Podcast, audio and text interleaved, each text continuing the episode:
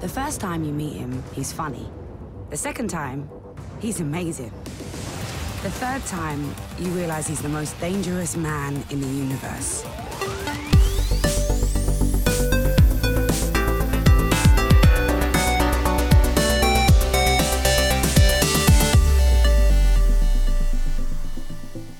Hej och välkomna till Fulkultur, den sedelärande och folkbildande podden från Geeks.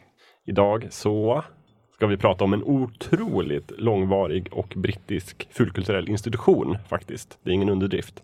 Eh, Vi ska prata om Doctor Who, äntligen. Hurra! Bra! Och jag har lyckats, utan större svårigheter, jag lyckats samla ihop en liten skara följeslagare här med Yes. väldigt bristande respekt för tid och rum. Vilket är lämpligt när man ska ut och resa i tiden. Eh, Vi har Amanda Remetlid där. Hej hej! Hej! Och Thomas Ytterberg, äntligen tillbaka. Hej hej. Eh, Det var länge sedan du var med nu. Ja, det var några avsnitt sedan. Ja, Ja, kul, kul att du ville komma. ja men jag, jag gillar Dr Who. Mm, Så att eh, jag ville vara med. det är bra. Och så har vi Annabelle här också. Ja, hej. Också ett, ett who, en Whovian, eller vad Ja, säger man? verkligen. Ja, jag har älskat Dr. Who, så att det, det var verkligen givet att, att vara med. Mm. Du har ju också med dig jättemycket fina så här, muggar och små Ja, figurer. jag, och... jag älskar ju merch också, så att Ja. jag, jag kan inte motstå. Så att jag, jag har med mig lite pynt till Ja. studion Jag skulle idag. nästan säga att det är liksom det mest eh, av alla avsnitt vi har spelat in så är det nog mest eh, Mm. med, Ja. Det är dockor och jag ser Det är en, lite allt möjligt. en målarbok här borta med Doctor Who. Precis. Det- Doctor Who-muggar finns det. Vi har Doctor Who Precis. t-shirts. Popfigurer. Det ligger en bok här Yes. på bordet också. Är väldigt mycket helt enkelt. Mm. Vi ska alldeles snart dyka in i detta fascinerande och otroligt intressanta ämne. Men först så skulle jag vilja som vanligt gå rundan och eh, kolla vad ni har tittat, läst, lyssnat på sen sist. Vill, har du Ska något jag du vill börja? lyfta upp Amanda? Ja. Ja, jag funderade på det där om det är någonting. Ehm, jag, jag kollade på, det kom en ny säsong av eh, Frank och Grace, uh, Gracie and Frank, eller vad heter den? Frank and Grace? Eh, är det på Netflix, På Netflix. eller med Jane Fonda? Ja, precis. Just det. Frankie och Grace. Frank and Frank and Grace. Ja, det. Mm, den jag plöjt. Tipsade du inte om det förra Gjorde jag det? Ja. Pinsamt. Jag, det tog mig ett tag att kolla igenom den. ja. Okej, men nu är du klar i alla fall. Ja, det är nu är jag fortfarande klar. ett tips. Och så såg jag att uh, Chewing Gum eh, har kommit med en andra säsong på Netflix. Jag tyckte jättemycket om första säsongen. En sån här brittisk helknäpp serie. Eh, så den ska jag kolla Jag tror, på. jag tror den var typ, jag tror den, ehm, Netflix rekommenderade den inte till mig. Det var typ, den fick Mhm. en stjärna eller någonting sånt. Den är Jag jätterolig. Ja, är den? Ja, jag de, lovar. är, de har ju bytt betygssystemet nu också. Att det Ah, bara är ja, en tumme det. upp. Och tummen Mm. De har ner. tagit bort stjärnorna helt och hållet. Tror jag. Så Mm. nu vet jag inte hur ehm, stabilt det är. Men det är Inte. jättebra. Faktiskt. Är det? det Ja. är Jag jätteroligt. kanske ska kolla Det är det helt så skruvat. Eh, och jätteroligt. Men det är så här 30 minuter humor. Till och med Andreas Eklöv tycker om serien. Oj. Ja. Och vi är ganska Han- lika smak. Vad är den skalan där? Vad Men han menar du med till vara och lite med? här, jag, jag tänker på att han brukar vara lite mer tjurig sådär. Kanske inte lika. Den här är ju verkligen så här galen. Det tar varje tillfälle att snacka ner Andreas Eklöf när han inte är med. Ja. Thomas, har du något du vill lyfta fram? Sen? Nej, jag är sån där som fastnar i saker ganska Mm. rejält. Så att jag kanske på väg nu ut, ut ur träsket som heter Fallout 4. Så att mina Ah. Oj, spel, då har du ändå hängt, hängt där ett tag. Alltså. det, är liksom, det är ett spel från 2015 Ja. men eh, någonstans nu är jag uppe i 485 timmar spel och eh, level 102 Oj, oj. och sånt. Så Ja. Hoppla. Och, men är du klar med spelet då? Eller Nej, jag du- springer fortfarande runt i, i peruk och klänning så att jag får bättre priser när jag ska handla ammunition. Det var du som, eh, du satsade mycket på stealth va? Eller din, du hade sniper? Ja, givetvis. Och- ja. Mm, det. Men Fallout 4, det är precis som alla Fallout-spel. Det är postapokalyps och det är efter katastrofen och det är öde Ja. wasteland. Skön stämning och Ja. mycket humor och så mycket detaljer som man fortfarande upptäcker hela tiden. Så att, därför kommer man tillbaks fast man kanske har tröttnat på själva spelmekaniken. Ja. Bygger du, ehm, bygger du hus och sånt? Eller vad säger man? Inte hus men Ja, läger eller o- något. oh, ja. Oh, ja.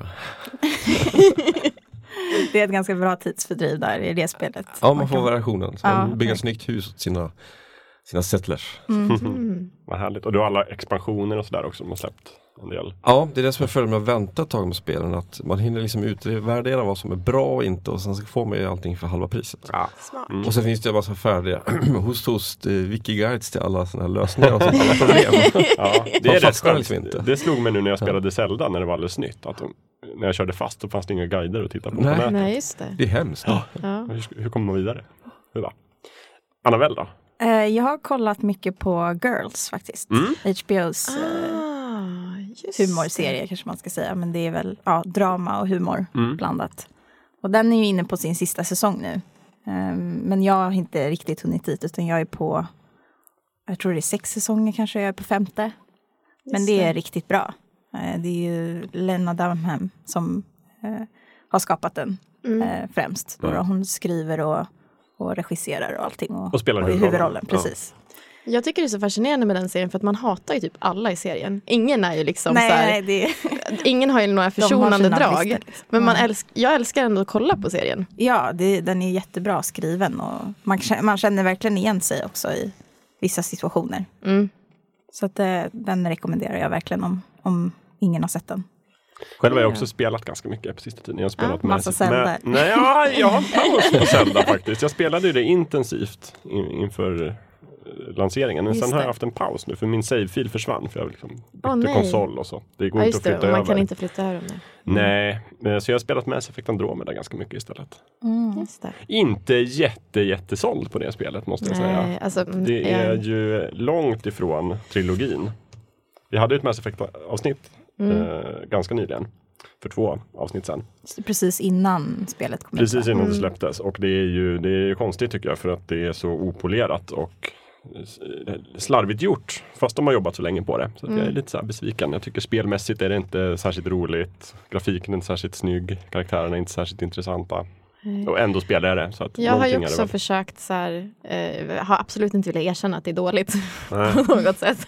Men också lite så här, jag bara, det, va, varför har man gjort så här? Ja. Och att just att det är rätt fult. Ja, jag tycker inte det, det är inte dåligt så, men det är ju Nej. inte det är väldigt Jag hade mediokert. hoppats på mer. Ja, jag hade också hoppats Ja. på mycket mer. Men Ja. jag spelade ändå pliktskyldigt för jag Ja. ändå köpt det. Jag var lite rädd att eh, det skulle bli som, som Dragon Age Inquisition som också är från Mm. Bioware och EA. Eh, att det var väldigt mycket eh, fetch quests och sånt. Mm. Spring iväg och hämta en sak och lämna tillbaka den. Ja. Stor, alltså väl, verkligen stor värld men lite innehåll. Mm. Mm. Och det tycker jag, jag vet inte, jag ser inte poängen med det att man ska ha att det är liksom, ja, jag föredrar kvalitet, att det är, Mm. ja men visst en mindre värld då, men Mm. om den är fylld lite mer omsorgsfullt. Mm. Jo. Och den, har- den har fått också jättemycket kritik för vad är det, animationer. Ja, Ja just det, ja, Ansiktsanimationer det har ju varit framför världens. Typ Det de stör mig inte jättemycket. Det ser lite B ut och som om det vore tio år gammalt spelet. Men eh, framförallt så tycker jag bara just det här att liksom själva spelmekaniken känns väldigt eh, Jag tom. tycker det är tråkigt när man ser två ryggar som samtalar. Ibland har det blivit så för mig, men jag har stått kn- knepigt så här, när jag börjar prata med någon. Då ser jag bara bådas ryggar. Så här, och jag bara, det Mm. Ja, här är kameran, inte så kameran kul. zoomar in över huvudpersonens axel på något sätt men ibland så låser blir den sig verkligen och så ser man som sagt två skulderblad som pratar med varandra. Det är inte jätte, jättespännande. Nej. Men sen det, det som jag hoppades på, det som jag tror att jag sa i avsnittet var ju också att jag hoppades på att få den här äh, episka spelet om att utforska en annan galax. Och det är inte riktigt så. Jag tycker Nej. att det är väldigt så här, det är lite så här Star Trek varning på alienserna. De är inte, de är precis som människor fast ser ut som människor med gummimasker liksom. Ja. Om man åker, vad är det, 2,2 miljoner ljusår, 600 år till en annan galax. Och sen så landar man på, på en planet. Och det finns en affär där man kan köpa exakt samma vapen. Som i Vintergatan. Jag är bara så här, vänta nu. Immersion är viktigt i ett spel tycker jag och det får jag inte riktigt här. Nej. Hörrni. Eh, det finns en planet i universum som heter Gallifrey. Och där bor tidsherrarna. En av dem kallas bara Doktorn och har eh, väldigt mycket kopplingar till jorden faktiskt.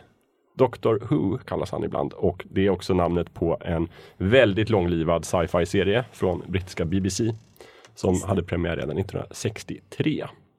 Det är en riktig långkörare i, Verkligen. i fulkultursammanhang. Eh, och det ska vi viga det här avsnittet åt. Nu kommer ju det som kallas Series 10 eh, nu på lördag. Vad är det, 15 april? Och det är inte tionde säsongen utan det är ju typ, jag tror det är 100, 100 tusende säsongen. Men sen ny lanseringen 2005 så är det tionde säsongen. Så det beror lite på hur man räknar där. Eh, Säsong 14 var nog på 70-talet om jag minns Någonting rätt. Så att, sånt, ja precis. Det är också kul för då kollar man på Wikipedia, säsong 10, så kommer man alltid först till den gamla säsong 10. Och då står det så här, menar du det nya? Så, Ja. förmodligen Ja. ska du klicka här. Men det var väl, det, det gick väl inte nonstop? Det var väl inte en paus där eller? Det, det har varit lite, det har inte, de har inte lagt ner den officiellt så, men det Nej. var ju några mörka år där på 90-talet när den inte gick. Utan de hade paus, som det hette. Det. Men det är, jag tror ändå att det är den serie som har världsrekordet på liksom mest, har gått längst i följd. Ja. I alla fall i sci-fi. Ehm, För den blev ju rebootad men den blev inte, alltså det blev inte en ny serie Nej. som så utan de fortsatte ju på, på samma spår tack vare det här. Eh, att Mm. doktorn kan regener... Mm. Vad säger man? Regen- Regenereras. regenerera. Ja, precis, det är ett av många snilledrag i den här serien. Jag Ja, tänkte vi skulle börja från början ändå, även om det är lite svårt att prata om början när det Mm. handlar om tidsresor. Men jag tänkte vi skulle gå varvet runt och kanske bara lite berätta så här, hur kom vi själva in på Doctor Who? Och eh, Amanda, du har ju inte riktigt kommit in i det. Du Nej, är här jag är lite här som som nykomlingen. Och vi har ju valt ut, inför det här avsnittet har vi också valt ut tre avsnitt som du skulle få titta på. för att få lite inblick och sen så ska Ja. vi föra ditt perspektiv. Och du har ju redan eh, inte gjort den läxan. För du Eh, såg, precis. Jag trodde, jag fick för mig, jag skrev upp på en liten lista så här, vad det var ni ville att jag skulle kolla på. Av någon konstig anledning så skrev jag på ditt avsnitt Jakob att, vill, att du ville att jag skulle kolla på femte säsongen, femte avsnittet. Mm. Men det var ju första Ja. avsnittet i femte säsongen. Så redan där har jag gjort fel. Mm, men det är okej, vi kan nog jobba runt det tror jag. Ja. Mm. Men jag tänkte i alla fall börja berätta hur jag själv kom in på Doctor Who, för det var just det avsnittet jag såg. Eh, säsong 5, avsnitt 1, vilket är det första avsnittet med Matt Smith, den eh, skådespelaren med den stora hakan. Som, Och Lilla Flugan. Ja, som eh, då spelar den elfte regenerationen av, av doktorn. Och när jag såg det, det var någonstans där 2009 kanske. Så hade de precis, ett kort tag så kunde man hyra tv-avsnitt på iTunes. Mhm. Och då gjorde jag det. Och då var det just Doctor Who var ett av de få man kunde hyra. Så då tänkte Och det jag, var ska bara på måfå eller? Ja men då tänkte jag så här, jag ska, den här Doctor Who kanske man borde kolla. För jag fattade ju någonstans att det var allt det jag gillar med tv och, och sci-fi och sådär. Att det var mycket mytologi, lång, många avsnitt att se, att det var liksom roliga karaktärer och att det var det hade väl alltid riktigt liksom fattat att det här är någonting för mig men inte riktigt tagit steget. Men just då så hade jag också, då hade jag ganska nyligen eh, gjort slut med min dåvarande tjej. Så jag, hade, jag bodde hemma hos min morbror i deras lägenhet. Eh, de var bortresta så jag bodde ensam i en ganska stor lägenhet. Hade inget att göra på dagarna så tänkte jag nu ska jag kolla på Doctor Who. Så då kollade jag hela den säsongen. Och blev väldigt eh, fast redan med det här första avsnittet. För jag tyckte det, det är ett väldigt bra avsnitt att börja på. Just det, som jag har missat nu då. Ja men precis. så du fick inte alls det. Du fick se förvirrande andra delen av Ja, det var jätteförvirrande. Så tänkte jag så här, Jakob varför har du sagt att det här är något jag ska kolla på? Ja. Ju- Ja, men så, så för mig är ju alltid Matt Smith är ju liksom den doktorn jag kom i kontakt med. Sen har jag ju i efterhand gått in och sett alla eh, med Christopher Eccleston och ehm, David Tennant. Mm. Som föregick då den här rebooten. Och sen har jag sett spridda avsnitt av den gamla serien också. Mm. Med Tom Baker kanske framförallt. Som Precis. är 70-tals Doctor Who. Och även nu då med, med Peter Capaldi som är tolfte doktorn. Och sen, har jag, den hade, sen hade jag en period när jag var väldigt, väldigt inne på Doctor Who. Och egentligen läste på om allt. Och liksom, det, det finns ju mycket att Ja, grotta ner i. Det blir eh, så när man har kört sedan förstå. 60-talet. Ja. Det finns liksom en stor eh, kanon att hämta från så att säga. Ja. Av, av allt möjligt. Så att, eh, och när man börjar skrapa på ytan så finns det ju liksom Ja men den här boken, den här serien Mm. och det här och, liksom, och tidslinjerna och allt det Ja. där. Ja, och det är inte bara tv-serien heller, utan de har ju dels gjort en film. Eh, men Ja, de har ju just det. också gjort ett oräkneligt antal ljudböcker och serier. Och eh, den som inte kan få nog av sin favoritdoktor kan ju alltid gå in och lyssna på 800 ljudböcker om just Ja, den det- doktorn. Och, och det är ju originalskådespelaren också som har gjort Det några är ofta det, vilket är jättebra. eh, äventyr också. Mm. Där de pratar. Thomas, vill du berätta lite hur du kom in på Doctor Who? Mm, jag har ju förstås den här eh, vad ska man säga, samlarmanin bakom egentligen. Att, eh, 2005 kom ju rebooten och jag känner ju förstås till Doctor Who, kanske mer egentligen signaturmelodin. Ja, Och att det liksom är en slags brittisk institution mer. Men inte sett så mycket utan eh, det var mer att jag ville liksom Jag ville ha lite mer till min sköna DVD-samling. Eh, och gillar sci-fi, har alltid gillat. Så att eh, jag köpte då, då fick man ju köpa en DVD med fyra avsnitt på. Så. Mm. Eh, och insåg att det här var ju, det var ju första avsnittet med Eccleston och det är ganska eh, fartfyllt, eh, typiskt den tidens eh, sätt att göra en, en, ett tv-avsnitt så att säga. de springer runt och det händer saker och pangar och smäller och det är ganska billigt gjort också. Det är där, det är väl avsnittet Rose va? Det är de här plast...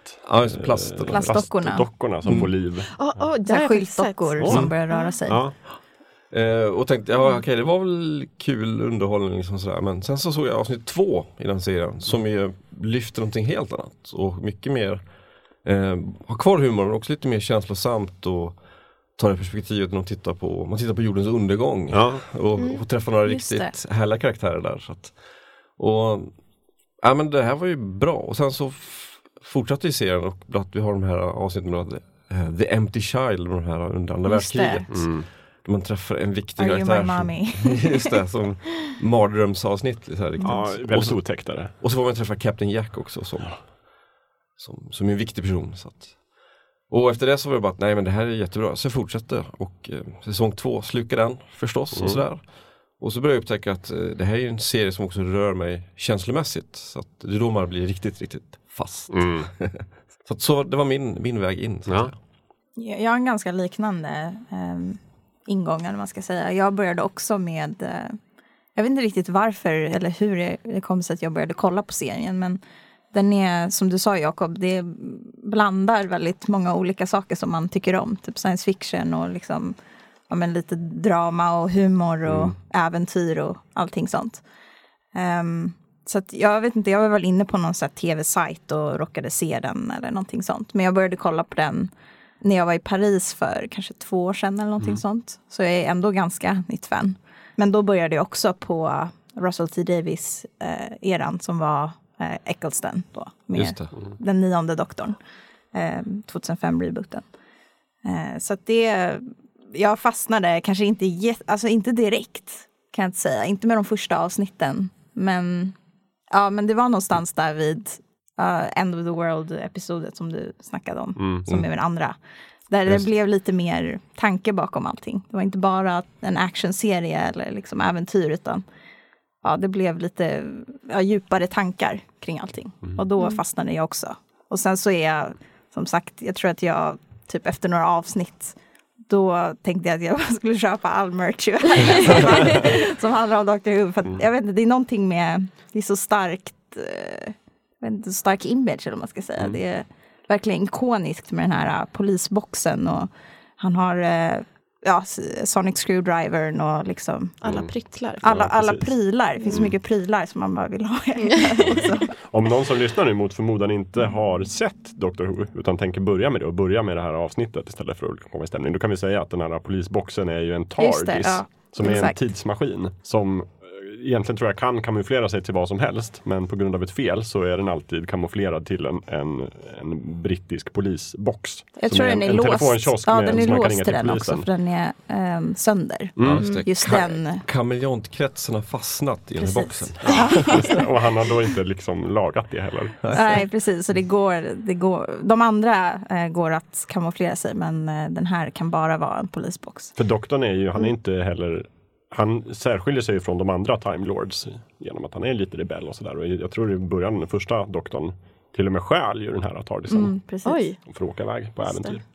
Ehm, jag var ju väldigt snabb på att räcka upp handen när ni frågade efter sen någon frivillig som ni kunde så här, slänga, Mm. slänga avsnitt på. Precis, berätta hur du Eh, resonerade kring det. Ja, men jag har ju en lilla syster som är galet förälskad i Doctor Who.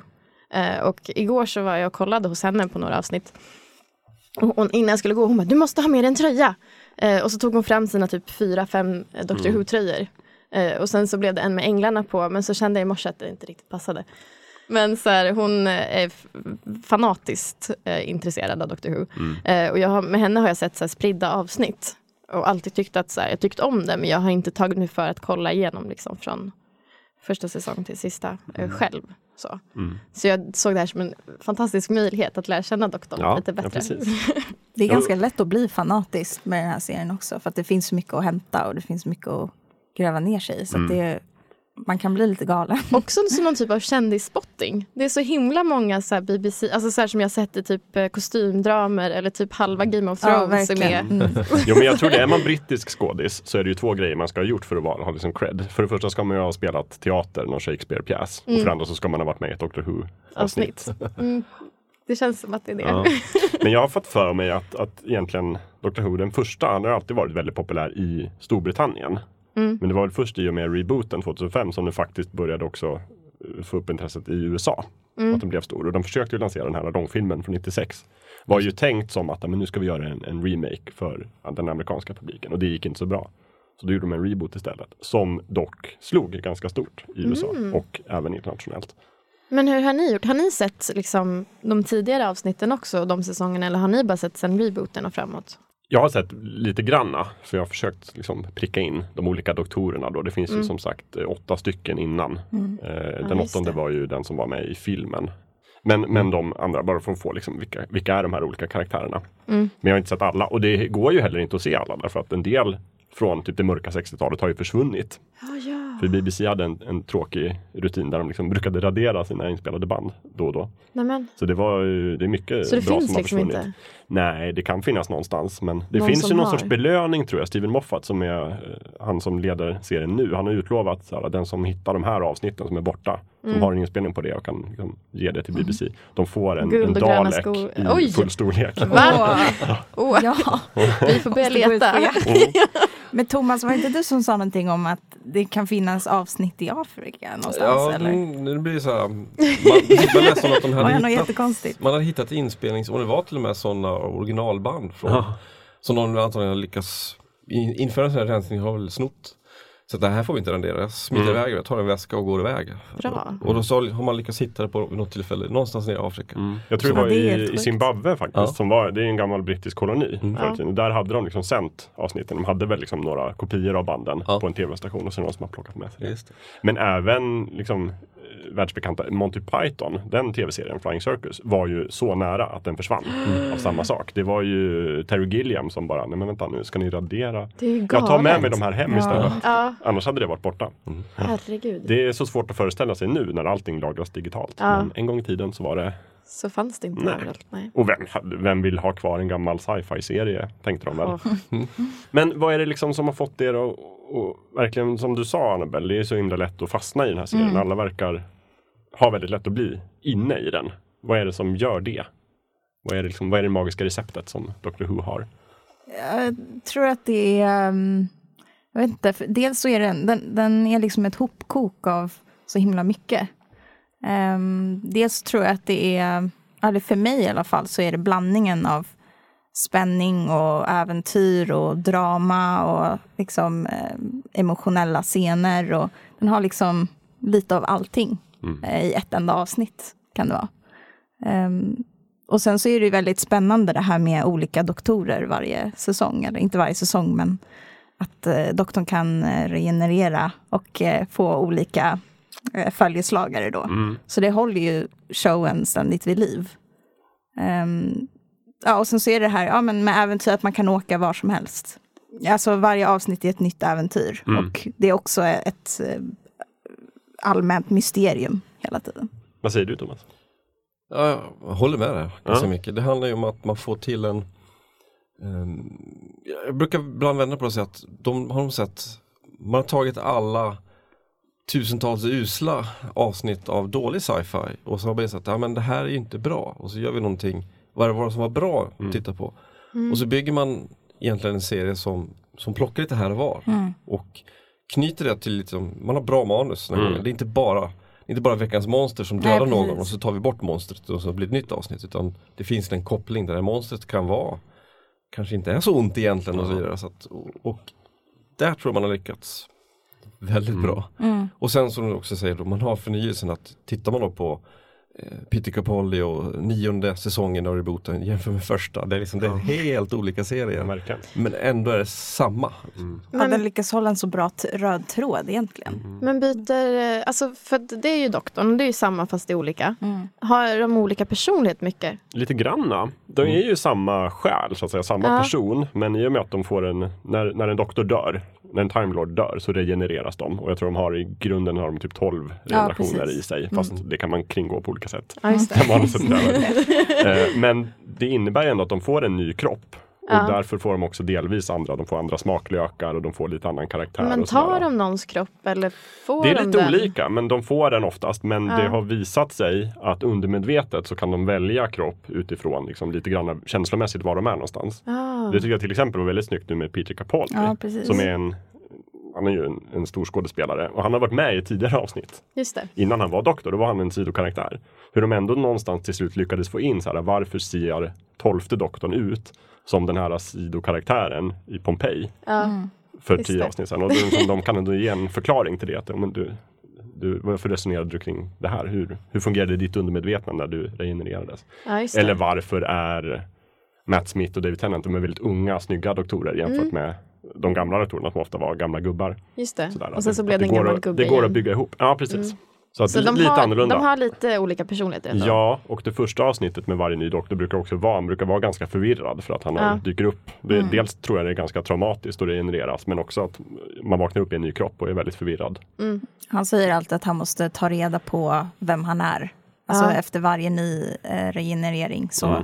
Är det så här, vad gillar jag nu? Här, hur är jag som person? Ja, just det. Testar han så här Ja, typ precis, olika han- maträtter och bara Ja, exakt. Ja, hade men du sett det avsnittet det. som jag tipsade om så hade det börjat med att han landar i, en, i en trädgård hos eh, en li- liten tjej som heter Amy Pond som är en Ah. av mina favoritföljeslagare Mm. sen. Den unga eh, tjejen, hon är jätte, jätteduktig som han hjälper och då blir han också så här, börjar med att fråga om han får ett äpple. Mm. För han är sugen på äpplen. Och sen visar det att han tycker inte alls om äpplen. Åh, och sen äter han sig igenom hela hennes hus för att prova olika saker. för att komma på vad är det jag tycker om. Ja, Okej. Mm. Sen slutar det med att han tycker om fiskpinnar och vaniljsås. Oj. Ja, tillsammans? Ja, visst. Nej men gud. Men hon lilla tjejen som du sa, var, hon är ju eh, Amy Ponds kusin. Alltså i verkliga livet. Jaha, det är därför de är så lika. Ja. Okej. Där ser man. Ja, är jätteduktig. Men jag, jag tycker precis som ni att det är just det här att de lyckas de lyckas koka ihop det här. Dels är det ju så mycket humor i den, men också Mm. kan de göra det här så otroligt känslomässigt när folk dör eller när doktorn dör. Och det finns en sån, det är verkligen, de kan dra sig inte för att skapa drama. Samtidigt som det finns den här, de kan vara väldigt hård science fiction när de vill det, men det kan vara liksom mera sagoavsnitt om de vill det. Det kan vara skräck, det kan vara, jag trodde ju från början att det här var för barn bara, men det är Ja. verkligen, ibland är det otäckt. Ja, Är det ja. jätteotäckt? Mm. Eller jag vet inte om ni har strategiskt valt så här lite otäcka. Nej, Men jag valde ett trevligt ja, avsnitt. sen var det ju otäckt det jag kollade på. Mm. Men jag blev så här förvånad för jag tänkte också att det skulle vara ett så här, till största delen ett så här, lite lustigt och småskärmigt så här. Och alla de här aliens jag har kollat på är ju skitläskiga. Mhm. Alltså verkligen så. Igår när jag kollade på Thomas det avsnittet som du tipsade om. Då, Blink. ja, alltså då satt jag ju och skrek flera gånger om och bara varför har du gett mig det här avsnittet? Men vi kanske ska gå in på just de avsnitten vi hade valt ut och lite så här, varför Mm. valde vi dem och, och hur kände du när du såg det? Mm. Vi börjar med Blink, för det är ändå det äldsta då. Det är med David Tennant. Just det, säsong Precis. tre. Mm. Ehm, ett avsnitt där David Tennant och hans följeslagare där inte har ehm, någon större roll egentligen. Nej. De, är- de är passiva, vilket jag tyckte var intressant att de lyckas bygga en historia där huvudkaraktärerna så att säga, inte är de huvudrollen så att Mm. säga, i avsnittet. Precis, och i det, men den bemärkelsen är det ju ett lite ovanligt Doctor Who-avsnitt. Ja. Även om det är ett av de allra mest ansedda. Och det är väl också Steven Moffats första avsnitt tror jag till och med. Så Ja, ett av Okej. hans första han är rätt stolt över att ha skapat Änglarna där. Ja, de var jätteläskiga. Ja, ja men det, eh, och jag tycker den, den kombinerar verkligen det här, eh, vad ska man säga, ett ord som inte är helt rätt alla gånger, men fiffigheten som ändå Ja. finns. Mm. eh, I det hela att, okej det finns tanke bakom det, det är inte bara ett monster, pangt slut, utan det verkligen, ah, det finns en koppling och sen så träffar de människorna och så finns det en koppling hela den vägen hur de här också möts, hur de blir Mm. kära och, och dör och un, under, under loppet av ett avsnitt fast ändå baklänges i tiden. Det är det som är Mm. Eh, och då blir den där klassiska um, timey wimey gooey. Wibbly wobbly, timey wimey. Ja. Och, och det, jag har använt blink flera gånger till folk som vill s- s- tror att det här är någonting för det. Titta på det avsnittet Mm. så vet du att är det ett sätt att, att gilla en historia så kommer du förmodligen gilla den här serien Mm. ganska väl. Så. Mm, det är alltid väldigt smart manus. Eh, speciellt med Steven Moffat på senare tid. Han, är, han eh, gillar att göra det lite invecklat ibland. Ja. Mm. Men det är väldigt, alltså, väldigt rapp dialog. Och, Mm. Stephen Moffat är också en, en av de två som gör eh, Sherlock-serien. Så, så att gillar man den så tror jag också man får, och den typen av skrivande, så tror jag man kommer få ut väldigt mycket av många Dr. Who-avsnitt. Ja, det känns som det är väldigt lika på något sätt. Även om det är helt eh, annorlunda. Men eh, själva manuset och hur storyn lyfts fram och sånt där. Jag hörde av min syster att det är många som tycker att så här, historieberättandet har blivit sämre när han har eh, Jag har i alla fall hört att folk tycker att det kanske har blivit lite för invecklat ibland. Sen, kritiker menar väl också liksom att under de första var det fyra säsongerna så var det ju eh, vad heter han, Russell T Davis Ja, som precis. skrev och, Steve Moffat skrev vissa avsnitt. Mm. Kritiker menar så att när Moffat tog över som showrunner så hade han redan gjort av med sina bästa idéer som en blink Ah, till exempel. ja. Då kände de bara, men det är lite repetition och sådär. Eh, Jag gillar ju jättemycket de allra flesta av hans avsnitt Ja. men tycker väl ändå någonstans nu att sista säsongen så det är- märks att han är lite trött sådär på det. Mm. Jag tycker att han är väldigt bra på att göra, eh, göra det episkt på Ja. något sätt. Ja, det blir väldigt liksom en, episkt. en eh, bra utdelning eller vad man Ja. ska säga i slutet av hans eh, Absolut. storyline. Ett av mina absoluta favoritavsnitt är ju just 50 års jubileumsavsnittet Ja, det är så som bra. Moffat skrev. Och Ja. där var det ju verkligen, han, där slog han ju på stora trumman. Och det var både David Tennant dyker upp och Matt Mm. Smith är med. Peter Capaldi gör sitt första framträdande, lite så här, Just det, väldigt Cameo. kort. Ja. eh, John Hurt spelar liksom den okända krigsdoktorn och det är bara episkt, det är bara förnamnet. Ja, det är, och Rose Tyler kommer tillbaka Ja, också. precis. Ja, Rose. Det Mm. Väldigt bra. Ja. Men var du rädd då när du såg Blink? Jag var jätterädd. Jag kom på också när jag kollade på det att jag har redan sett det. Det var ett av de spridda avsnitt som jag sett med min lilla syster. Mm. men fast jag hade sett det så satt jag fortfarande och så skrek, alltså rakt ut. För att jag tyckte att de var så obehagliga. Ja. Och just så här, den här när de så här blinkar och så kommer de närmare. Och så när de tar bort eh, händerna från ögonen, de här änglarna. Eh, så får de ju så här bestialiskt skrik som bara är så, här, så obehagligt. Änglarna är alltså ett monster, eller en ras monster som bara kan röra sig när man inte ser på dem. Mm. Är grejen.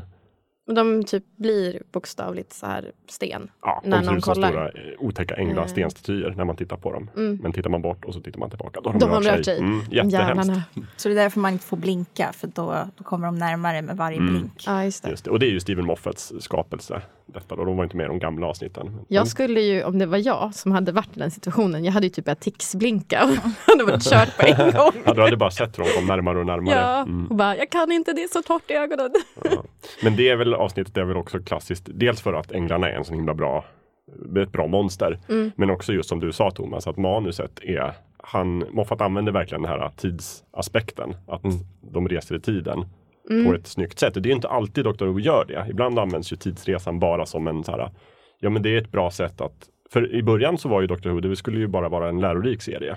Där doktorn och hans mänskliga kompanjon åker till Ah. olika historiska perioder och så får man lära sig lite om romarriket eller om just det. medeltiden och sådär. Så det är ett, ett snyggt sätt att skriva in det. Och det är ibland så det används.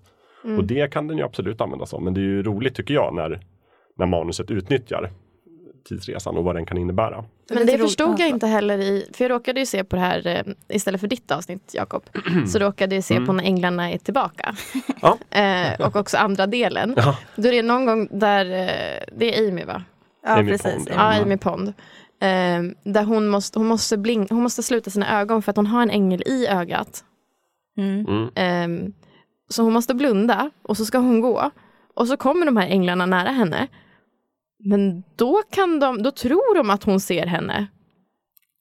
Så att de står still. Mm. Och sen så måste hon gå som om hon såg. För att de inte ska märka att hon inte ser dem. Det har ju också Och det här förstod inte jag. Nej, precis, jag förstår det. Men du, dels så såg du inte första avsnittet innan. Nej. Och dels så tror jag också det finns en ganska bra payoff i just det. Om man har funderat på varför blev det så där. Så Mm. om man kollar det också så här, en säsong senare så får man reda på hur var det där egentligen. Jaha. Tänker inte spoila för dig.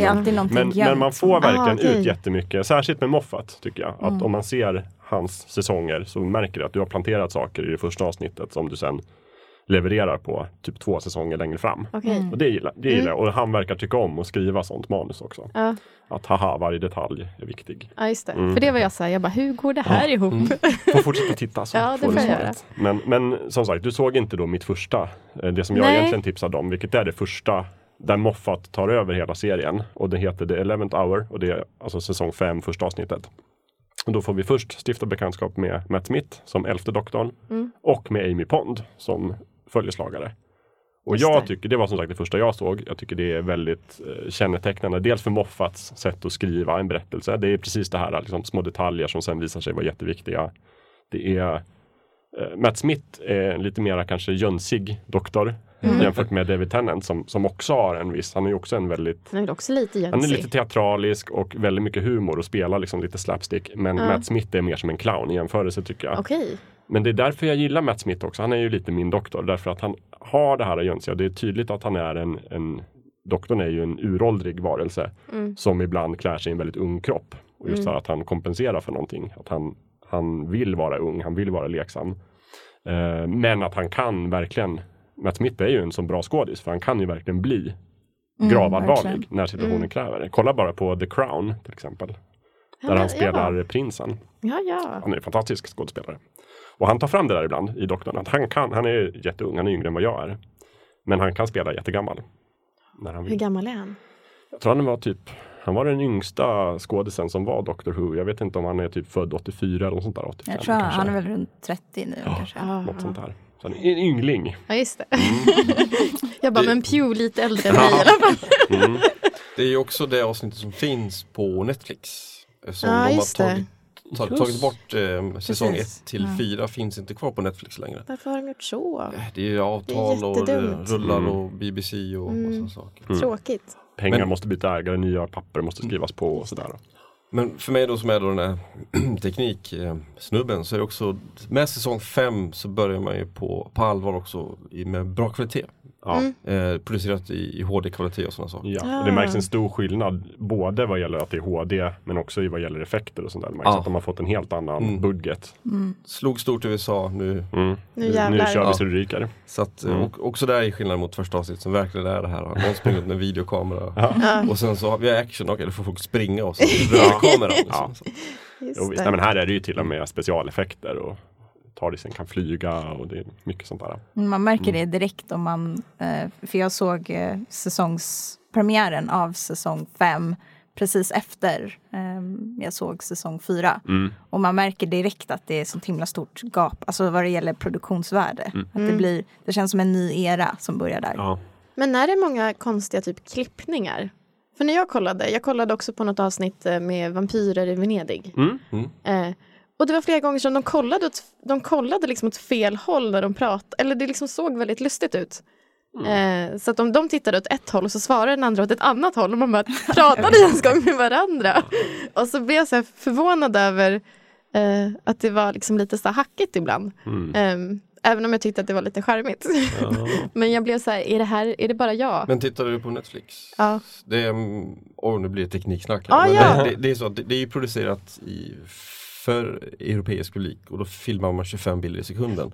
Netflix knyter allting till 60 bilder i sekunden. Därför får den väldigt och nu blir det en podd så jag kan visa med handen för folk hur det ser ut men det blir väldigt ryckiga panoreringar när det blir fel. Och Ja. det kan bli jättejobbiga fel, det blir liksom linjestörningar och sånt. För det var ett avsnitt som var så, så att så här, det var ett ansikte och sen hoppade ansiktet lite åt sidan Mm. så här, hela tiden. Eh, jättestörande att kolla Ja, på. det, jag blir alldeles hopplös på det. Så Mm. jag vet att när jag skulle titta på de här tidiga säsongerna i Netflix för att det är skönt att ha det på Netflix, det bara Mm. att dra igång det. Mm. Så slutade det ändå med att jag gick fram till DVD-hyllan och rotade fram de Mm. gamla för att eh, det flöt mycket bättre, allting Mm. blev rätt uppspelat. Ja. Ja, det är bra tips där till alla Ja. som vill kolla. Köp de dyra DVD eller Blu-ray-filmerna istället. Precis, köp, köp boxen. Ja. Ja. Hur ser box, eh, finns det någon så här jättefin specialbox som är Ja, polisboxen? Typ? Jag har för mig att det finns en jättebox, Ja. det nog. Ja, men eh, eftersom jag ändå har följt dem och köpt dem när de har kommit ut. jag. Mm. Jag brukar alltid föredra att vänta och köpa boxen med den färdiga utgåvan för det är den bästa kvalitet och så kan Mm. jag Ja, just det. titta och hela den biten. Mm, Mm, det är skönt att ha där i bokhyllan. Mm. Sen var det ditt avsnitt som du valde, Annabelle. Mm, jag, jag var lite valde, nyare. ja, precis. Jag ehm, hade lite problem att välja, inte problem, men jag tänkte Först tänkte jag på det här fantastiska, det är avsnittet innan säsongsfinalen, Ja. ehm, säsong 9. Så det är nästan, eh, ja det, det är avsnittet innan säsongsfinalen. Eh, och då, det är helt fantastiskt faktiskt. Och det är ganska fristående. Eh, som har att göra med att doktorn blir tillfångatagen på en, eh, ja, på en plats, säger vi, för att inte ge bort för mycket.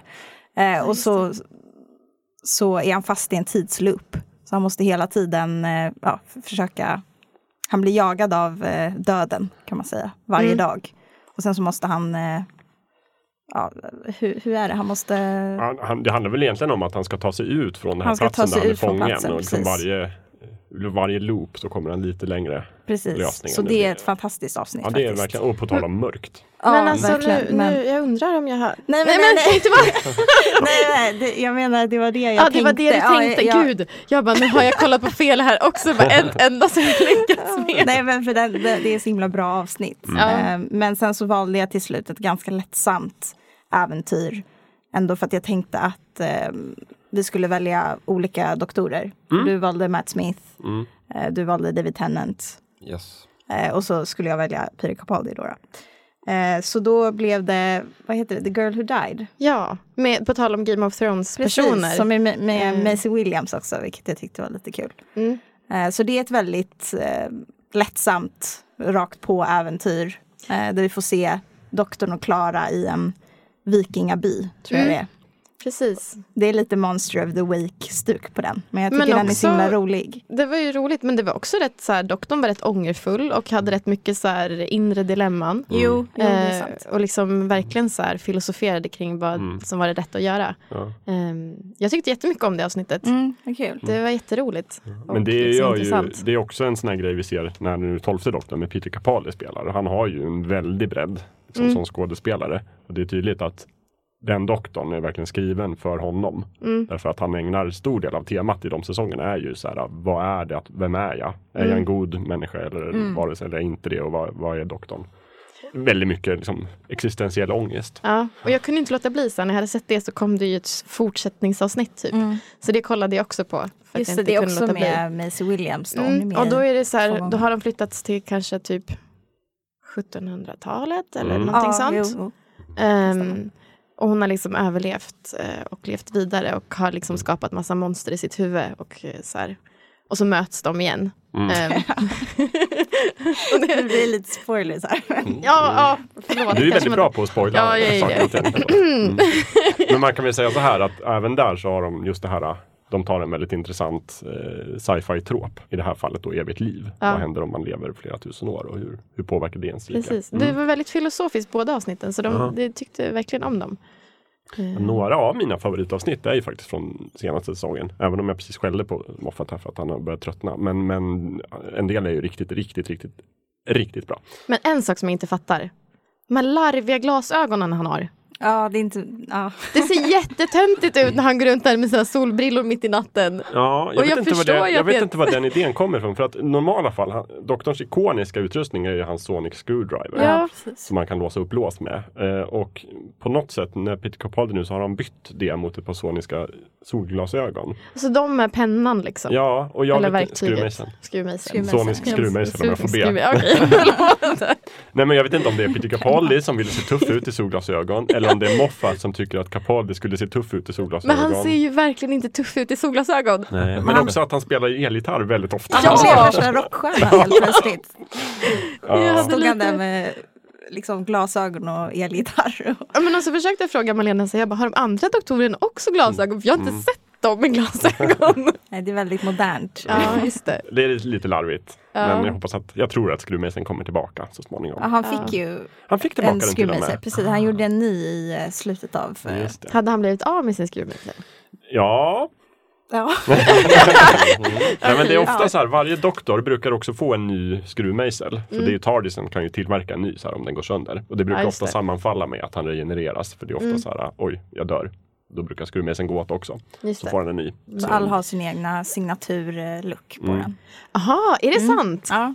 Så de ser liksom inte lik, det är inte samma? Nej, de Absolut var inte. helt eh, olika. Och i- Aha. det blir väl mer, den blir väl mer och mer avancerad på något sätt. Vilken är Alltså utseendemässigt. favoritskruvmejsel utseendemässigt? Jag har inte jämfört, det är lite som att jämföra lightsabers i Star Wars. Men jag eh, tycker en, jag kan säga, jag vet inte vilken som är min favorit. Men jag gillar i det här 50 års ja, jubileumsavsnittet. Där tack vare tidsresa så får Mm. ju Matt Smith träffa sig själv i form av David Tennant som stöter på sig själv i en tidigare version. Och då börjar de jämföra, så här, vem har störst skruvmejsel? Ja, det är klart de gör. Jag gillar nog eh, Matt Smiths skruvmejsel faktiskt. Den är fin. Ja, den är fin. Hur ser, eller liksom, vad är det som gör den speciell? Eh, Den har, de byter ljus ibland. Ehm, jag tror David, David Tennant har någon blå, eh, väldigt mm, avskalad. Mm. Eh, och ehm, sen så får Matt Smith då, då i och med kanske produktionsvärdet, jag vet inte. Men den, eh, den blir lite, lite större och lite mer jag vet inte, snyggare på något sätt. Den har grönt ljus och De har råd med en ny LED-lampa. Men jag skulle, säga, den, den blir framförallt använd i säsong 5 på ett annat sätt Mm. med Matt Smith. Han, han tar den som en naturlig del av sig själv. Mm. Som gör, och mycket mer lekfullt. Mm. Medan Tennants Tennant och hans skruvmejsel Ja, blir väldigt mycket, um, nu tar vi fram ett verktyg och, och så tar vi bort verktyget. precis, med lite mer av den klassiska användningen. Ja. Men, men du har rätt, Matt Smith springer ju runt med den hela tiden Mm. och typ surrar på allting. Mm. Det finns en Allt jätterolig scen där han och hans följeslagare River Song är typ omgivna av aliens. River Song har sin laserpistol som skjuter dem och liksom, de ska fly. Och, och Matt Smith står med sin skruvmejsel och försöker hjälpa till. Men det bara surrar på Just saker. det, men den är väl inget vapen? Nej, Nej. Nej. han vill bara vara med. lås. Liksom. Ja. Och den funkar inte på trä. Så att, Nej, gör den inte? Nej, det är Nej, svagheten. det. Svaghet, Mm. stor svaghet. ja, verkligen. Så man skulle göra ett typ fort av trä om man inte skulle veta, vilja att han kom in. Mm. Ja. Eller lås in honom i En träbox. Ja, eller en Ja, trädörr. trä. Just det. Mm. Bra att veta. Men jag tycker att de här avsnitten vi har valt ut är väl ändå ganska representativa för vad ska vi säga, nya Doctor Who. Ja, fast jag fick inte se en Dalek någonstans. Nej. Lite besviken. Men jag tänkte, jag tror ändå att du vet vad Daleks Jo, är det för vet jag, och jag har de är sett ett avsnitt för Daleks. De innan. ju, om det är någonting som är mer känt än doktorn själv så är det väl Daleks. Ja, och det var därför jag var lite förvånad av att det inte kom något Dalek. Men jag, jag tycker faktiskt inte de bästa avsnitten har Daleks Nej, jag tycker inte heller de det. Är Daleksen överskattad? Jag tror framförallt att Daleks Ja. avsnitten har gjorts redan. Jag tror innan vi kom in i Doctor Who. De gamla avsnitten finns det nog riktiga klassiska Dalek-avsnitt. Okej. Jag tror det är svårt idag att göra nya. Det finns några bra men de är inte det bästa. Eller vad, vad tycker du Thomas? Nej, eh, alltså jag håller med. De har, um, det, det är bra ur, de avsnitten med Daleks bra ur äventyrssynpunkten tycker jag. Eh, det finns mycket actionavsnitt med Daleks. Mm. Men det, man, det är väldigt svårt att skapa ett drama runt en Daleks. Det är nästan bara den här uh, första när man får se en Dalek och Rose Ja. träffa på en Dalek som ju faktiskt har lite Just det. det avsnittet heter bara Dalek. Ja, och, och då lite, fast då handlar det mer om Rose roll det. och vem hon Mm. är snarare än Daleken i sig är ju bara en maskin som vill Ja. döda allt. Liksom. Mm. Och jag har också lite svårt att ta Daleks på allvar sådär. För de ska ju vara oövervinneliga dödsmaskiner. Ja. Fast det är liksom den här budgeten från 60-talet. Det är liksom en liten rullande metallbit. ja, just det. Som Med typ liten- inte kan gå i trappor. Är det en eldkastare den har längst fram eller vad är det? Någon sorts Reagan typ. eller. Ja. Döds, Kan döda folk. dödsstråle. Alltså, Dödsstråle? hade man gjort serien idag så hade man aldrig, aldrig gjort en Dalek. För det är, en, det, är liksom, det är en soptunna med en sugkopp Mm. på. Ja, sig. den Hur kan vi bygga rolig ut. en robot med så lite budget som möjligt? Vi får Ja. gå ner i städförrådet och se vad vi har. så tejpar man ihop en Dalek. Wow. Mm. Så är det ju. Men, men där kanske vi ska passa på att gå in på just monstren, Mm. följeslagarna och aliens. Det finns ju som sagt hur, Hur mycket som helst. helst. Så vi kan väl bara lyfta lite så här. Vad tycker vi är favoriter? Är det Daleks? Eller är det någonting helt annat? För mig är det inte Daleks i alla fall. Nej. Jag är inte så jätterädd för dem. Jag tycker mest, alltså de blir ju mer som, ehm, de blir ju ganska komiska när de används tycker jag. Mm. Mm. Nu för tiden. Mm. Eh, alltså dels på grund av hur de ser ut och på grund av hur de pratar och de pratar ju ganska här väldigt speciellt. pitchade Ja, Ja. Låter som ekorrar eller något. Ehm, Inte så skräckinjagande. Nej, ehm, men ja, jag vet inte, jag gillar dem, jag gillar Oodsen faktiskt.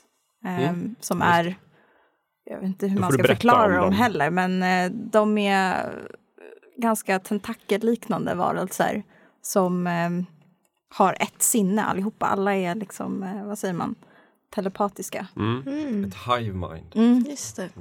Och de eh, kan också kommunicera med, med sång. De sjunger någon sång när de, eh, ja, eh, för att kommunicera med varandra Mm. helt Men enkelt. det är de som går runt med en glaskula Ja, också precis, i handen. de som går är runt med en deras glaskula. hjärna på något sätt. Åh, Ja. läskigt.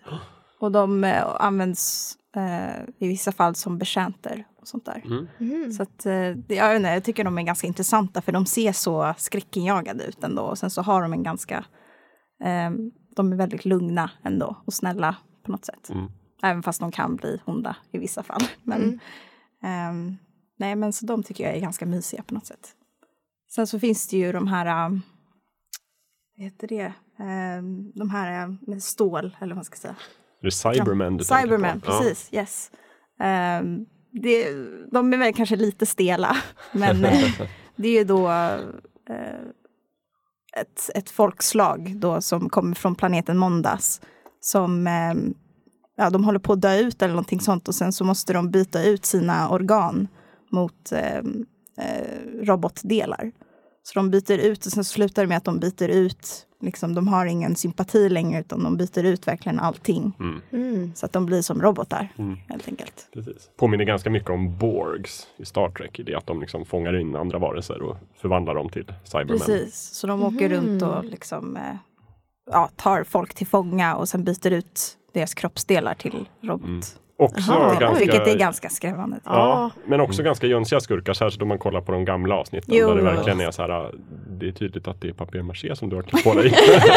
Med en liten antenn på. Fast Ja, de de- nya ser rätt De har otäcka fått ut. lite ändå. redesigns. Ja. Ja. Usch. De, de är, jag tycker de är bättre som monster än Daleks därför att Jo. det finns en väldigt mänsklig faktor att det, det är våra, våra nära och kära som fångas upp och ändå är kvar i, fångade i den här Mm. Eh, Cyberman-kroppen. Liksom. Ja, just det. Det, kan de, det bygger de rätt bra dumt det är. Så att, Ja, jag tycker att de har använts väldigt mycket i, i nyare säsonger också. Mm. Eh, till och med mer än, än Dalexarna. mm. Så att de har blivit ganska ikoniska, tycker jag. Men de är, de, det är lite skräckinjagande Mm. faktiskt. Bara alltså hela processen och vad de håller på med. Kanske inte deras utseende, men Ja, det är mycket såklingor och skrik. ja, precis. Japp. Jag tycker också mycket om den rasen som kallas The Silence. ja, som är med i några av Matt. Smiths avsnitt. Som är en, en alien-ras. Som, vad är deras grej? Att alltid när man ser dem, när man tittar bort sen, så glömmer man Mm. bort att de existerar. Nej. Så man blir hela tiden, måste hela tiden påminna sig själv om att de finns. Ja. Så, Så de har liksom levt på jorden jättelänge Mm. och ingen kommer ihåg dem. Vilket genidrag Japp, från deras sida. Mm. Så de, eh, det man gör är att man eh, tar någon krita eller någonting så gör man märken på sin kropp. Mm. Så vet man varje gång hur många gånger man har sett dem och, Okej. och sånt där. Så måste man också försöka komma ihåg att men, risken är att man bara ser, men var- varför har jag ritat på min kropp? Så, Ja, just det här? det. Sen bara, just det. Men det är Det lite grann som jag såg, jag såg vidare på nionde säsongen för jag tyckte jag fastnade lite. Ehm, och då såg jag um, några hamnskiftare som har någon sån här terrororganisation. Jag kommer inte ihåg vad de heter, men det är de här slemmiga monstren. Ja precis och så har de liksom som en krans ovanför Zygons. sig. Zygons. Ja, just det, just det, Ja. Zygons. Ja. Ehm, Fantastiska. Ja. och de tyckte, jag, de tyckte jag instinktivt rätt mycket om fast de var så äckliga. Mm. Men, men för att det var liksom rätt nära eh, i tema liksom och så här. Ehm, och också så här hur missförstådda kanske och kanske inte, eller liksom så här, man visste inte riktigt. Mm. Ehm, de tyckte jag var väldigt spännande. Och just det här att de kunde bli vem som helst. Ja. Och så här, man bara, åh nej, vem är du? Eller vem, Men, ja, det är också ganska intressanta tankar eh, kring dem. Det är lite som med, jag vet inte om jag är rätt liknelse här, men typ X-Men och mutanter. Mm. Liksom ska de få leva bland oss och liksom är det en sjukdom eller vad är det liksom? Mm. Ja, Ehm, verkligen. Så det, det går in på, på, på det temat. För de, kan ju, de, de är ju de här varelserna, men de kan se ut som människor och Mm. smälta in. Mm. Och ska de då få göra det? Eller ska vi liksom peka ut dem som, som monster? Ja, och just så här, ska vi skjuta dem när vi ser dem eller ska vi liksom Ja. försöka medla? Eller så här, hur ska vi göra? Och i det avsnittet, jag vet inte om du såg båda, men det är två stycken. Eh, det, det är ett avsnitt på två... dubbelavsnitt. Ja, precis. Dubbelavsnitt. ett avsnitt på två. Nej, ehm, då är det en jättebra scen med, med Capaldi. När han, eh, de har någon sorts krigsråd. Eller, de, eh, det finns en knapp på bordet och sen så är det om man trycker på den här så dödas alla. Jag kommer inte riktigt ihåg hur det var, men då... ehm, så här, stor eh, missilknapp eller något sånt. Ah, okej. Och då har han ett fantastiskt tal om eh, hur mycket krig han har sett och sånt. This is a scale model of war. Every war ever fought right there in front of you. Because it's always the same. When you fire that first shot, no matter how right you feel, you have no idea who's going to die. You don't know whose children are going to scream and burn. How many hearts will be broken? How many lives shattered? How much blood will spill until everybody does what they were always going to have to do from the very beginning? Sit down and talk! Listen to me, listen. I just, I just want you to think. Do you know what thinking is? It's just a fancy word for changing your mind. I will not change my mind. Then you will die stupid. Alternatively, you could step away from that box. You could walk right out of that door and you could stand your revolution down. No. I'm not stopping this, Doctor. I started it. I will not stop it. You think they'll let me go after what I've done? You're all the same, you screaming kids. You know that? Look at me. I'm unforgivable. Well, here's the unforeseeable. I forgive you. After all you've done, I forgive you. You don't understand. You will never understand. I don't understand. Are you kidding? Me? Of course I understand. I mean, do you call this a war, this funny little thing? This is not a war. I fought in a bigger war than you will ever know. I did worse things than you could ever imagine. And when I close my eyes, I hear more screams than anyone could ever be able to count. And you know what you do with all that pain? Shall I tell you where you put it? You hold it tight till it burns your hand. And you say this No one else will ever have to live like this. No one else will ever have to feel this pain. Not on my watch.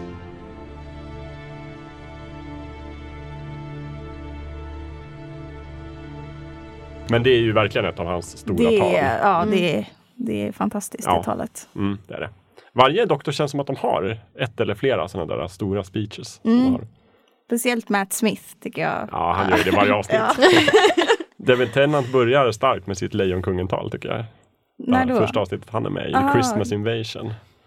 När han fortfarande är lite förvirrad för att han har regenererats så börjar han så här, äh, hålla ett sånt tal till en alien. Mm. Sen så kommer han på till slut att vänta nu, det här är ju Lejonkungen jag står och. Åh. Nej, Men eh, Matt Smith har ett jättebra tal också i ehm, Rings of Akathon. Eh, när han, eh, det kommer en, ja, de är på någon planet han och Clara. Och sen så kommer en stor solgud som vill bara sluka upp allting. Eh, och då ska han, den här solguden livnär sig på, jag tror är känslor eller minnen eller någonting sånt. Okej. Och sen så, eh, det är därför han äter upp planeter då för att få allas minnen. Ah. Eh, Och då står doktorn då i vägen och så ska han ge alla hans, för han har ju levt i alltså, flera hundra år. Så ska han ge alla sina minnen då till den här solguden för att offra sig själv. Och då gör han ett jättebra tal också. Och så är det massa upplyftande musik också i bakgrunden. åh, Och allt- pampigt. Ja, det blir jättepampigt. det är skitbra. Vilken är egentligen den bästa och riktigaste doktorn? Du får faktiskt börja här Amanda, för du har ju sett nu tre doktorer. Du kanske har sett något med Christopher Eccleston också. Eh, ja. Har du någon favorit? Ja, alltså jag tycker att David Tennant på något sätt är så här doktorn. Mhm. Fast sen så tyckte jag jättemycket om Peter Ca- Capaldi när jag såg eh, liksom, avsnitt med honom. Ehm, fast jag tycker han är jättelarvig i sina solglasögon. Men just att han hade liksom, han var kanske lite mer eh, jag såg kanske mer lite mer så här bistra sidan av doktorn i honom. Som jag tyckte om. Mm. Men annars skulle jag nog säga att David Tennant kanske min Ja, favorit. man får ta en favorit. Vem är din doktor? Thomas? Ja, det är nog Mr Höjda ögonbryn, Tennant där också. Ja.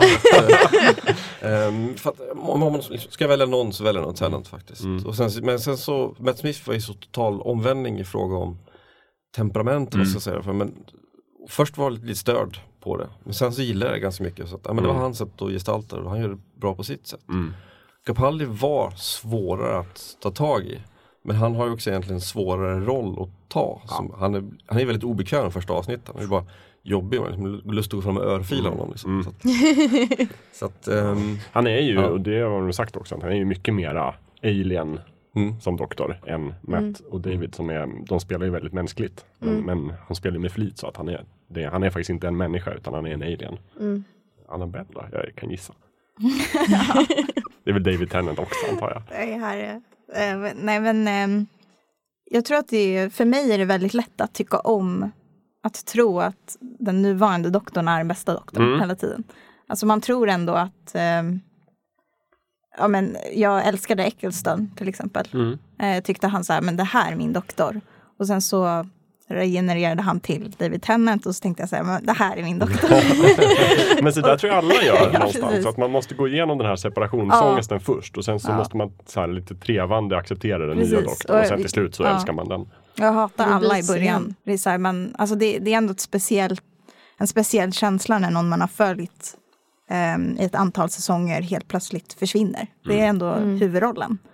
Eh, och sen ska man acceptera en helt ny skådespelare istället. Och det är oftast ehm, det är så hastigt som de byter. Är inte som att man får tid att smälta det utan det är verkligen så här wow! Och sen så blir det en helt ny skådespelare så bara nu går, drar vi ut på äventyr, kom nu. Och det är så här, ja. Just det. Och, det, och det sammanfaller ju ofta, inte alltid, men ofta sammanfaller också med att de byter Alltså vem som leder serien, manusförfattare. Ja, nu jo. till exempel efter nästa säsong så kommer ju Steven Moffat att kliva åt sidan. Mm. Och då också Peter Capaldi kommer försvinna. Så då blir det verkligen en helt ny. Ja, det blir en helt ny känsla fast det är fortfarande samma show. Vilket är imponerande ändå att de lyckas, lyckas med det. Ja. Ja, min, min doktor är ju ändå Matt Smith. Men det är ju just eftersom att den var den första jag mötte så att säga. Eh, sen har jag verkligen, kan jag uppskatta David Tennant för det han är. Men, och jag tycker nog objektivt sett att Peter Capaldi är den mest intressanta. Men det är också just det, det är han som är nu. Och då blir det. Men annars Peter Capaldi var ju, innan han blev doktorn så var han ju med i, en serie som jag kollade på då, som var lite guilty pleasure, nämligen De tre musketörerna på BBC. Aha. Då spelade han ju kardinalen, kardinal Ja, ja. Richelieu, jätteond. Ja. Och verkligen tuggade sceneriet i dem. Han spelade över och det var, han var Ja. fantastisk. Och sen när han fick rollen som doktorn, då, var då slutade han. Så att han är inte med i andra säsongen av De tre musketörerna. Och då har jag inte sett den. Nej, just det. Då, då blev den jättedålig. Ja. Så jag har lite kluvna känslor in- inför det. Men, men han är ju, ja, han har ju en, ett sånt himla djup som skådespelare. Och spelar som sagt lite mörkare. Och Mm. inte alls alltid särskilt sympatisk karaktär. Mm. Utan snarare ofta riktigt osympatisk. Väldigt praktisk på något sätt. Liksom. Och har ibland lite svårt att förstå liksom, varför ska man rädda en människa. Mm. Liksom, man kan vara lite så kall och, och logisk. Men jag tycker det är bra att det är sådana kontraster ändå. Det är det som, Ja men det är verkligen en av de stora styrkorna med Mm, Doctor Who. Att de absolut. kan, varje ny skådespelare så får de en ny chans att skriva om vem doktorn är. Mm. Och det tror jag verkligen är en av förklaringen till att den har hållit så långt och fortfarande känns, känns fräsch. Men nu då? Vem hoppas ni ska komma? Det är den stora frågan. Det- vem Nu- ska bli nästa sagt, doktor? Nu på lördag så börjar ju eh, vad är det, säsong 10? Tio. Series 10. yes. Och de har lyckats liksom inte avslöja vem det är. Jo då, nu Nej, är det men- Peter ja, Capaldi det- som kör. Ja, ja, nu ja, ja, kör ja. han sin sista och säsong. efter den här säsongen, nu hänger jag med. Så vi får Peter Capaldi Gud. som doktorn, Steven Moffat eh, showrunner med deras sista säsong. Och sen så får vi en ny kompanjon i form av, vad heter de, Bill, Bill Potts. Heter de. Pill Potts. Mm, det, precis. Som då också bara kommer köra en säsong. Så då blir den helt ny efter den. Och Så det- dels Det är Pearl Mackie som, som just spelar det. Som har gjort lite teater innan och någon film sådär men inte jättemycket. Mm. Hon har inte varit med i Game of Thrones till exempel. Nej. Men kommer säkert vara det sen. eh, så nu som avslutning så tänkte jag att vi kunde prata dels om vad har vi för förväntningar på nya säsongen. Jag utgår ifrån att vi alla kommer se den. Och du Absolut. får ju komma ikapp. Ja, jag får komma ikapp. Får Men också vad vi tänker oss sen efter nästa säsong. För det blir ju någonstans avslutningen för Moffat-eran. Det blir avslutningen Precis. för Peter Capaldi. Det blir verkligen en ny start. Vem Mm. ska spela doktorn och vad hoppas vi på att de ska göra med det då? Men vi börjar med, med den kommande säsongen, Säsong 10. 10. Är det dags att avsluta eller är det liksom, blir det Nej, tråkigt? nej, nej. Kommer du få separationsångest för? Ja, det kommer jag nog få. Så att Ja. säga. Men tråkigt för mig är att jag, jag vill ju se allting i en följd. Så jag vill ju vänta tills det kommer på Blu-ray. Ah, Så Ja, jag har ju det. väntat ett halvår. Och så då får vi inte spoila här nu. Nej. Alltså, Nej, för jag kommer det. ju kolla direkt. Ja. Jag kan. Det blir Det hörlurar på blir jobbet varje dag. jättesvårt att vänta. Ja, Jag skulle nog inte ha tålamodet att kunna vänta. Nej. Men eh, jag skulle nästan, jag skulle bryta mot ditt upplägg här, men jag skulle nästan pusha lite grann för första säsongen till fyra dem med Russell T Davis. Hans utgångspunkt när han startade serien var ju att han hade en stor inspiration av världens bästa tv-serie som Mm. heter Buffy the Vampire Slayer. Yes. Ja, ja, ja, Så hans sätt att göra tv-serier bygger väldigt mycket på vad gjorde Buffy bra och gillar man det sättet att göra serier på så fortsatte han lite grann en, en spin-off som heter Torchwood. Just. Där man får följa den här i, eh, karaktären Captain Jack Mm. och hans resa och eh, Torchwood är ju inte bra som en spin-off. Mycket mer ojämnt och mycket mer svordomar och sex och sånt. Men den har några sköna stunder minst Mm. sagt och eh, Där bland annat får man träffa då Peter Capaldi som en riktigt eh, sån här teflonpolitiker i ett avsnitt när det var de rymdvarelser som kidnappar jordens barn. Och sånt Ja. där. Oj, nej vad hemskt. Eh, så Peter Capaldi har ju verkligen stark koppling och han är liksom en helt annan människa än eh, det är en sån här miniserie, allting är bara en lång följd. Mm. Eh, jämfört med Doktorn så. det, det är värt att titta på, det finns Mm. inte på Netflix, sånt, lite svårt att ta på men Torchwood om man gillar då de första säsongerna Mm. väl. Fortsätta. Man kan köpa dem på SF-bokhandeln och på Ja, precis. diverse webbutiker också. Men jag, jag tycker också den är jättebra. Ja. Men mycket mer vuxen och mörk. Ja. Vad har du för förhoppningar Annabelle?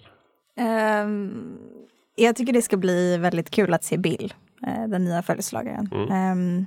Hon, nej, jag vet inte, hon, det känns som hon har härlig energi. Hon är liksom, eh, det, ska, det blir lite mer sprudlande glädje kanske. Eh, än vad vi har sett tidigare. Mm. Hon verkar väldigt uh, happy-go-lucky Mm. i trailern i alla fall. Så det Mm. blir roligt. Till skillnad från Klara som jag gillade men som jag tyckte Jo, var jo, jag lite... älskar Klara också. Mm. Men ehm, ja, det ska bli, bara bli spännande att se en Mm. ny kompanjon. Jag hoppas ju för egen del någonstans på att verkligen Moffat går ut med en bang. Att han verkligen satsar allt den här sista säsongen och liksom skriver de bästa avsnitten han har gjort. Mm. Hoppas jag på. Och liksom att det verkligen blir en episk final med Peter Capaldi. Och jag vill sitta som på nålar Ja, efter det, sista det avsnittet ska bli och vänta coolt. på Ja. vem som ska bli den nya doktorn. Jag Ja. skulle kunna tycka att det vore kul med en kvinna kanske som Mm. doktor nu efter typ 12 Håller du med? men En gullig tant. en gullig tant. Det skulle vara jättekul. Ja, Nej, men det har ju eh, cirkulerat några rykten redan om eh, potentiella så här, kvinnliga Mm. ka- kandidater. Jag tycker det skulle vara jättekul. oh ja. och det finns många som verkligen skulle kunna fylla den. Typ. Tilda Swinton skulle Just vara Ja, hon har ju lagt fram. Mm. Emma Thompson också. För att doktorn är liksom inte könsbunden, eller hur? Verkligen det är ju inte. bara råkat Nej. bli Nej eh, Mm. män Ja. hela vägen. Det är bara en slump att det blivit så. män. Ja, nej, men det är tydligen, om man ska kolla på mytologin så är det tydligen inte jätte, jättevanligt att de byter kön. Men de kan absolut göra det. Ja. Det handlar mer om hur de identifierar sig själva. Ah. Ja, eh, de, men de har ju visat nu, eh, alltså det har varit ganska många hintar om att doktorn kan ha vilket kön som helst. Ja, Just det. Eh, de har planterat det några gånger Precis, nu i ja. den här senaste. Eller rödhårig. Så att, Ja, ja, Ja. jag skulle också tycka det var lite kul om det också så här, råka bli vita snubbar hela vägen. Det kanske skulle vara kul om de kunde byta det också.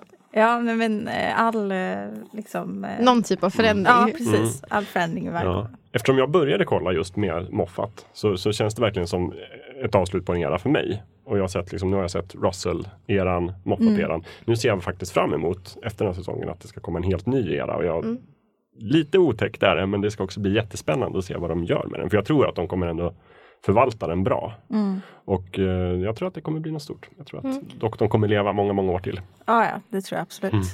Mm. Men eh, först är det en sista säsong med Moffat och Capaldi Just och. Bill.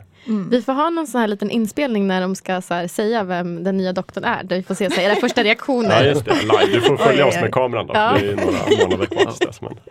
Och så kommer jag ett halvår senare. Ja, just det. Och du har sett på dina Blu-ray. Va, var det hon?